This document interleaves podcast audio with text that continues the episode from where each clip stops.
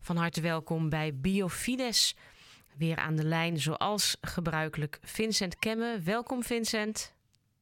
Wel fijn, fijn dat ik weer bij jullie mag zijn. Ja, ja we hebben elke keer uh, pakken we een onderwerp het liefst uit de actualiteit. Want dat is toch wel iets wat aanspreekt en waar ook luisteraars zelf ja, wellicht mee te maken hebben. Omdat ze een artikel hebben gelezen of erover gehoord hebben. En dat is nu ook weer de aanleiding van ons gesprek, Vincent. Vertel.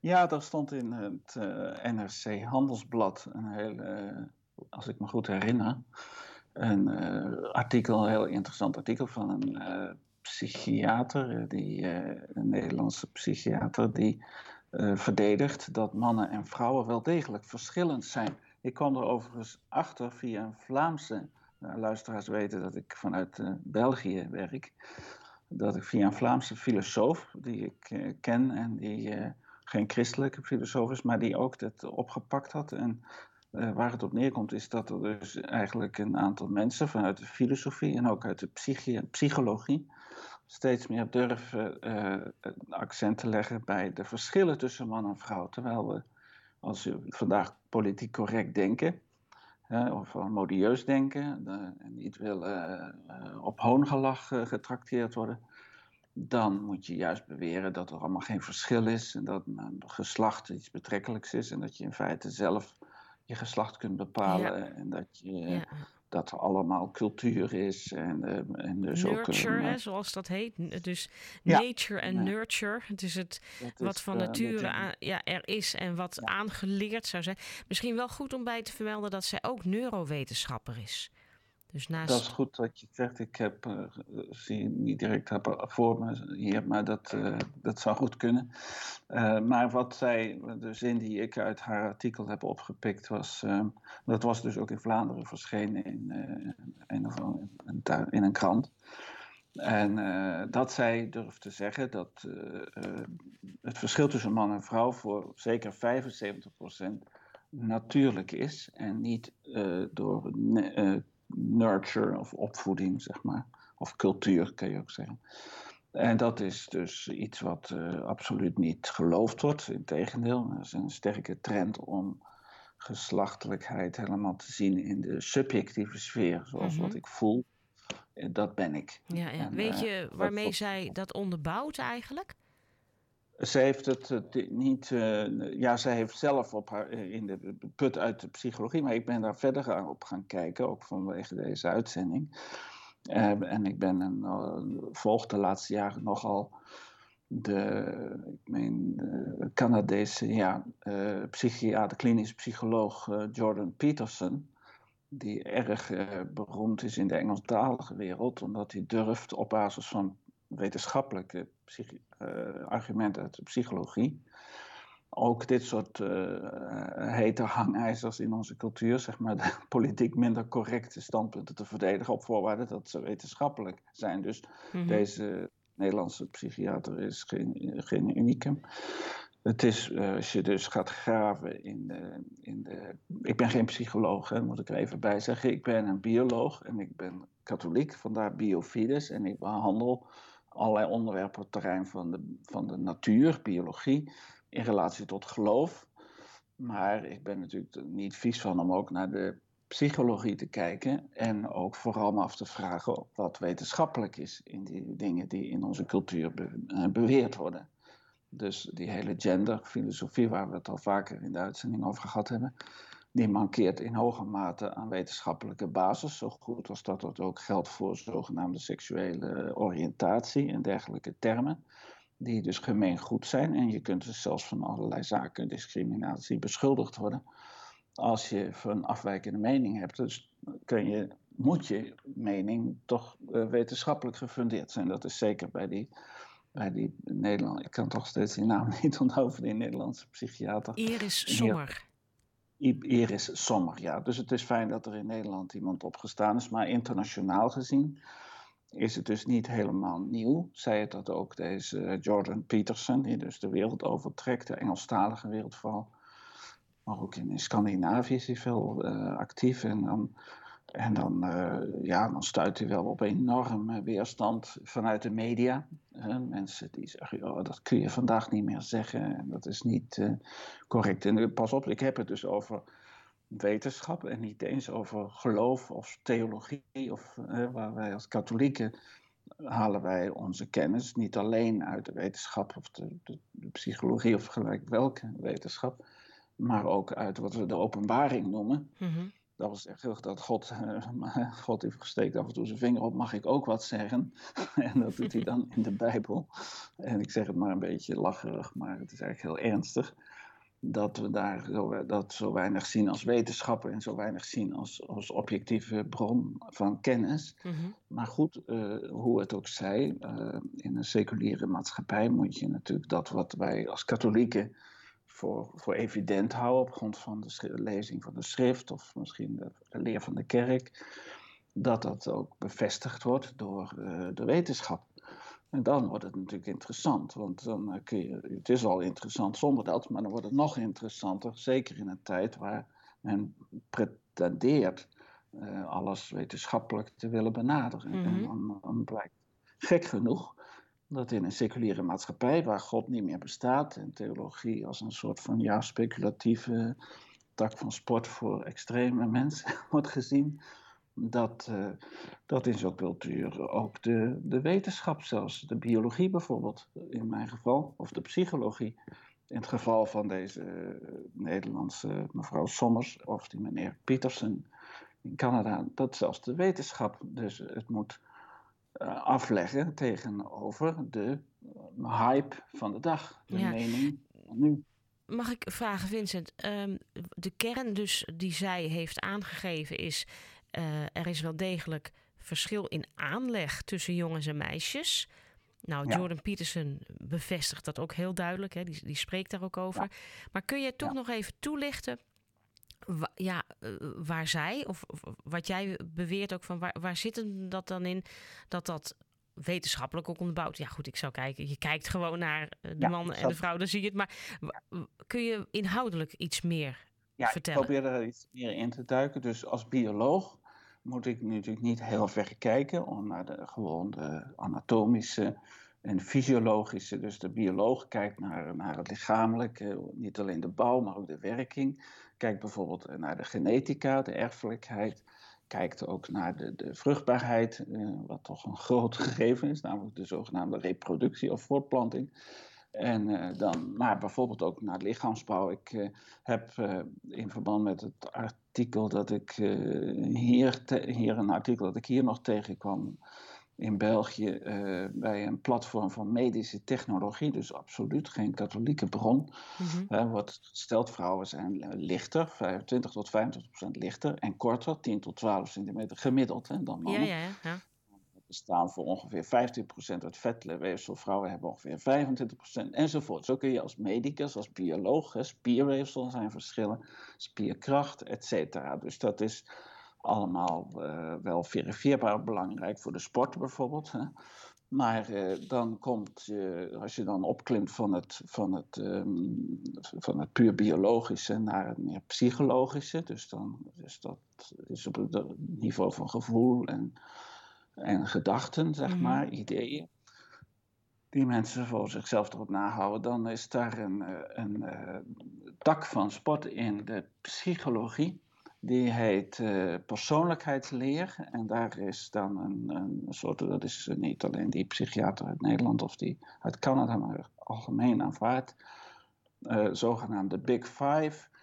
Vijf persoonlijkheidstrekken waarvan je dan het een of het ander bent. Dus bijvoorbeeld, ik ga wat in technische termen, neuroticisme versus stabiliteit extraversie versus introversie, openheid voor ervaring versus geslotenheid, conscientieusheid ten opzichte van laksheid, eh, vriendelijkheid versus antagonisme, hè, of meer agressie zal ik maar zeggen. En die as, van, dat is dus een wetenschappelijke, neutrale uh, set van gegevens, waarop grond van uh, psychologen, professioneel, internationaal, dat is niet links of rechts of katholiek of, of niet katholiek, persoonlijkheden in kaart brengen. En als je dan vervolgens aan een grote groep mensen, gemengd mannen en vrouwen, vragen gaat stellen op dat terrein, dan zie je in een aantal van die persoonlijkheidstrekken, van die vijf, van die grote vijf, je kunt dat overigens gewoon op Wikipedia vinden, de Big Five persoonlijkheidstrekken dan vind je dus tussen mannen en vrouwen, en dat zegt Wikipedia dan weer niet, maar dat er verschillen zijn. De, degene die dat wel zegt is Jordan Peterson, de psycholoog die ik, uh, klinisch psycholoog, die ik op dit punt uh, erg serieus neem, omdat hij zojuist zo enorm goed gefundeerd, gefundeerd wetenschappelijk uh, opvattingen naar buiten brengt. Nou, en dat betekent dus wat zijn conclusie is, dat mannen en vrouwen, let op, meer gelijk zijn dan verschillend. Want we behoren namelijk wel tot dezelfde soort. Dus we hebben al die dingen allebei. Een beetje van dit, een beetje van dat. Maar de verschillen die bestaan zijn groot genoeg om een belangrijke rol te spelen, zegt hij, in de, bepaling van de belangrijke uitkomsten van ons leven, bijvoorbeeld in termen van beroep hè, of verroeping. Dus dat betekent dat we dus de verschillen niet mogen maar wij zijn niet totaal verschillend. Mm Mannen en vrouwen hebben verstand, hebben gevoel, hebben een lichaam, hebben allebei. Dus het is ook nooit, je mag nooit in specifieke gevallen, je kunt alleen praten over grote gemiddelden. Maar dan zegt hij, stelt hij wel de wetenschap, en dat is, eh, dus dat zegt hij, nee, mevrouw Sommers ook, de wetenschap is erover eens, zegt het met iets andere woorden, maar dat de verschillen, ook psychische verschillen, psychologische verschillen, groot genoeg zijn om tot andere uitkomsten te leiden. En dat dat natuurlijke verschillen zijn, dus niet aangeleerde verschillen. Mhm. Dus dat is heel belangrijk. Ja, ja. Ja, ik denk dat. Uh, ik heb dat artikel over uh, van, van Iris Sommer ook gelezen. En zij geeft ook voorbeelden aan van. Uh, omdat ze daar let mee gewerkt heeft, ook met mensen die in transitie gaan. Hè. Ik bedoel, dat komt ook allemaal voor. En zij geeft dan juist ook aan dat ehm, mannen die dus vrouwenhormonen krijgen, of andersom vrouwen die mannenhormonen krijgen, dat die niet, niet alleen fysiek veranderen, maar dat die eigenlijk gewoon andere persoonlijkheidstrekken krijgen. Dus dat het wel degelijk in de ja, in de, ik noem het dan biologie, maar dat is het, niet, dat is het waarschijnlijk niet helemaal goed. Uh, nou, zit. ja. Ja, nou, je praat met een bioloog, maar ik exploreer. En ik weet dat de dingen natuurlijk niet gescheiden zijn in ons eh, systeem. Ik heb zelf mijn, bij mijn afstudeerfase uh, endocrinologie gestudeerd of een onderzoek gedaan. Weliswaar niet bij mensen, maar bij vissen. maar ik weet dus wel iets meer dan gemiddeld over hormoonleer. En we hoeven, ik hoef natuurlijk zeker een vrouw niet te vertellen wat hormonen teweeg kunnen brengen elke maand. Hè, ja, ja, bij, ja. Maar bij de man is het net zo goed. Wij zijn bijvoorbeeld, als het gaat over die vijf persoonlijkheids, uh, die Big Five, waar ik het net over had, die persoonlijkheidstrekken, dan is het duidelijk dat testosteron, dat zegt geloof ik die mevrouw ja, ook. zegt zij ook. Uh, uh, dat die bij mannen natuurlijk. iemand reageerde toen ik het postte op Facebook, zei: Ah, vandaar dat mijn man altijd hard, zo hard optrekt bij het groen licht met de auto. Ja, dat is dus testosteron. dat is gewoon duidelijk. Daar moet je geen twijfels over hebben. Dat is echt niet omdat zijn vader hem dat geleerd heeft. Ja, misschien is dat een, ook een beetje een factor. Hè? Het zou kunnen als je een vader hebt gehad die agressief reed. Dan denk je, ja, ik moet toch mijn vader niet onderdoen voor mijn vader. Akkoord, dat zou mee, maar wees gerust. Eh, volgens mevrouw Massen, ik ben Sommer. het kwijt. Sommer, ah, pardon. Is dat 75%, dat is ook maar een getal. Maar in ieder geval, uh, ook Peterson, dus iedereen is het over eens dat het in hoge mate natuur is en hormonen. En nou komt het, wat ik wil zeggen, als je dus het hormoonstelsel van de mens en van de hogere dieren bestudeert, dan kom je erachter dat dat helemaal verweven is met het neurale stelsel, onze hersenen, onze denken. Dus het hele systeem van denken en voelen, zo noemen de psychologie, heeft een biologische basis. Uh, dat is niet van elkaar te scheiden, zelfs anatomisch niet, want je hebt daar ergens midden tussen je oren, onder je hersenen, het hypothalamus, hypofyse systeem, mm -hmm. waar alles wordt gecoördineerd. Dus zeg maar, je hebt het centraal zenuwstelsel, het in de hersenen, ruggenmerg, maar je hebt ook het centrale punt waar hormoonstelsel en zenuwstelsel aan elkaar fysiek gekoppeld zijn. En bijvoorbeeld hormonen zijn zeer verwante stoffen aan neurotransmitters, dus chemische stoffen in de hersenen, die maken dat wij eh, bijvoorbeeld eh, ons goed voelen of minder, een beetje depressief zijn. Of uh, die we zelfs met, uh, met, met stoffen, met psychofarmaca kunnen beïnvloeden. dus antidepressiva en zo. Dus de hele het hele gevoelsleven van de mens. Ik zeg, er is natuurlijk nog meer dan gevoel. Er is mhm. ook verstand, vrije wil en geest. Namelijk de, hè, je laten begeesteren door God. Dat wil ik wel even duidelijk bij zeggen.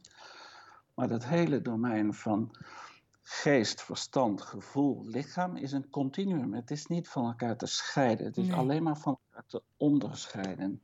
En dat is een groot, belangrijk gegeven natuurlijk. Ja, en het is eh, denk ik waarom jij dit ook ter sprake brengt, belangrijk dat dit toch ook algemeen gezien wordt. Omdat het, het is wetenschappelijk goed onderbouwd. En uiteindelijk, jou, dat zeg je ook altijd, hè, ook wetenschap moet in dienst staan natuurlijk van de mens, ook van het geluk van de mens. Nou, het gekke vind ik dat wij in een postchristelijke cultuur, dus uh, minder goed met wetenschap omgaan dan in een christelijke cultuur. Dus uh, eh, 50 jaar geleden, toen eh, Nederland en Vlaanderen nog aanzienlijk christelijker waren dan het nu is, zou niemand hier, zou, nou, het zou bijna op de lachspieren werken dat je over deze nog dingen radio-uitzendingen moet maken. Snap je? Dat is dat, uh, hè, dus het verschil tussen man en vrouw. Dit is zodanig common sense je moet daar ook niet eens katholiek voor zijn. Het is zo evident mhm. eh, dat, je, dat je bijna. Maar goed, wij leven dus in een. Wij, lachen er al niet eens meer om dat we over deze dingen praten. Dat zegt veel van onze cultuur. Ja, die is zo, ja, ja op die manier. Ja. Zowel religieus als wetenschappelijk het noorden kwijt dat we niet meer goed. Uh, de, er is nog een, iets wat ik uit van Peterson zou willen citeren. Dat is dus dat men nu in onze cultuur heel erg inzet op, op gendergelijkheid. Mm dus dat betekent dat in de, de, Nederlandse regering vindt dat in de bedrijfsleiding dat bij wet geregeld moet worden dat er minstens 35% eh, vrouwen in de raden van bestuur van grote bedrijven moeten zitten. Ik ben daar niet tegen, maar. Uh, de vraag is natuurlijk of dat realistisch is, gezien de natuurlijke verschillen tussen man en vrouw. Qua manier van denken, manieren. En dus als je naar die. De, nogmaals, hier, ik wil het graag over wetenschap hebben. Als je dus praat over psycholo psychologie, die het heeft over uh, die vijf persoonlijkheidstrekken, die vijf dimensies daarvan dan begrijp je opeens heel goed dat er toch gemiddeld meer vrouwen in de zorg werken, bijvoorbeeld, dan in, uh, in, uh, in de technische, wat ze hier noemen, de, de stemvakken, dat, is dus, uh, de, dat zijn de technologievakken, science, technology mm -hmm. enzovoort. Ja. dus dat, ik heb twee zoons die gestudeerd hebben aan de, aan de Technische Universiteit van Eindhoven. En die, die klaagden er zelfs over. Dat er, dat er zo weinig meisjes waren. meisjes waren. Maar dat was omdat ze ook al op zoek waren naar een meisje eigenlijk. Ja. Dus, en dus inmiddels is voor een van de twee dat ruim nog nou, opgelost. Helemaal fijn. We moeten wel zo'n beetje gaan afronden, Vincent. Ja, maar dus dat, is, dat is dus gewoon niet geframed. Dat zou er gewoon niet moeilijk over moeten doen. Nee, en meer eigenlijk oog hebben voor wat gewoon de, de werkelijkheid is. Hoe we zijn, hoe mannen en vrouwen zijn over het algemeen. En wat blijkt? Wat blijkt is dat in de landen waar men inzet op die gelijkheidspolitiek, dat de verschillen alleen maar groter worden. Ja. Zweden wordt als voorbeeld genoemd. De, de, verschillen worden alleen maar groter, want die vrouwen mogen geen vrouwen, die gaan dus, die natuur gaat opspelen en die willen meer vrouwelijk nog doen. Ja. En daar zijn de verschillen dus uiteindelijk groter dan, ja, ik ken de voorbeelden. Ja. Nou, zoals wel vaker, uh, we zijn natuurlijk nog niet uitgesproken, maar we gaan wel stoppen nu met deze uitzending. Heel veel dank. En het komt ongetwijfeld weer opnieuw aan bod een keertje. Ik zou zeggen tot eh, de volgende keer. Dank je. Graag gedaan.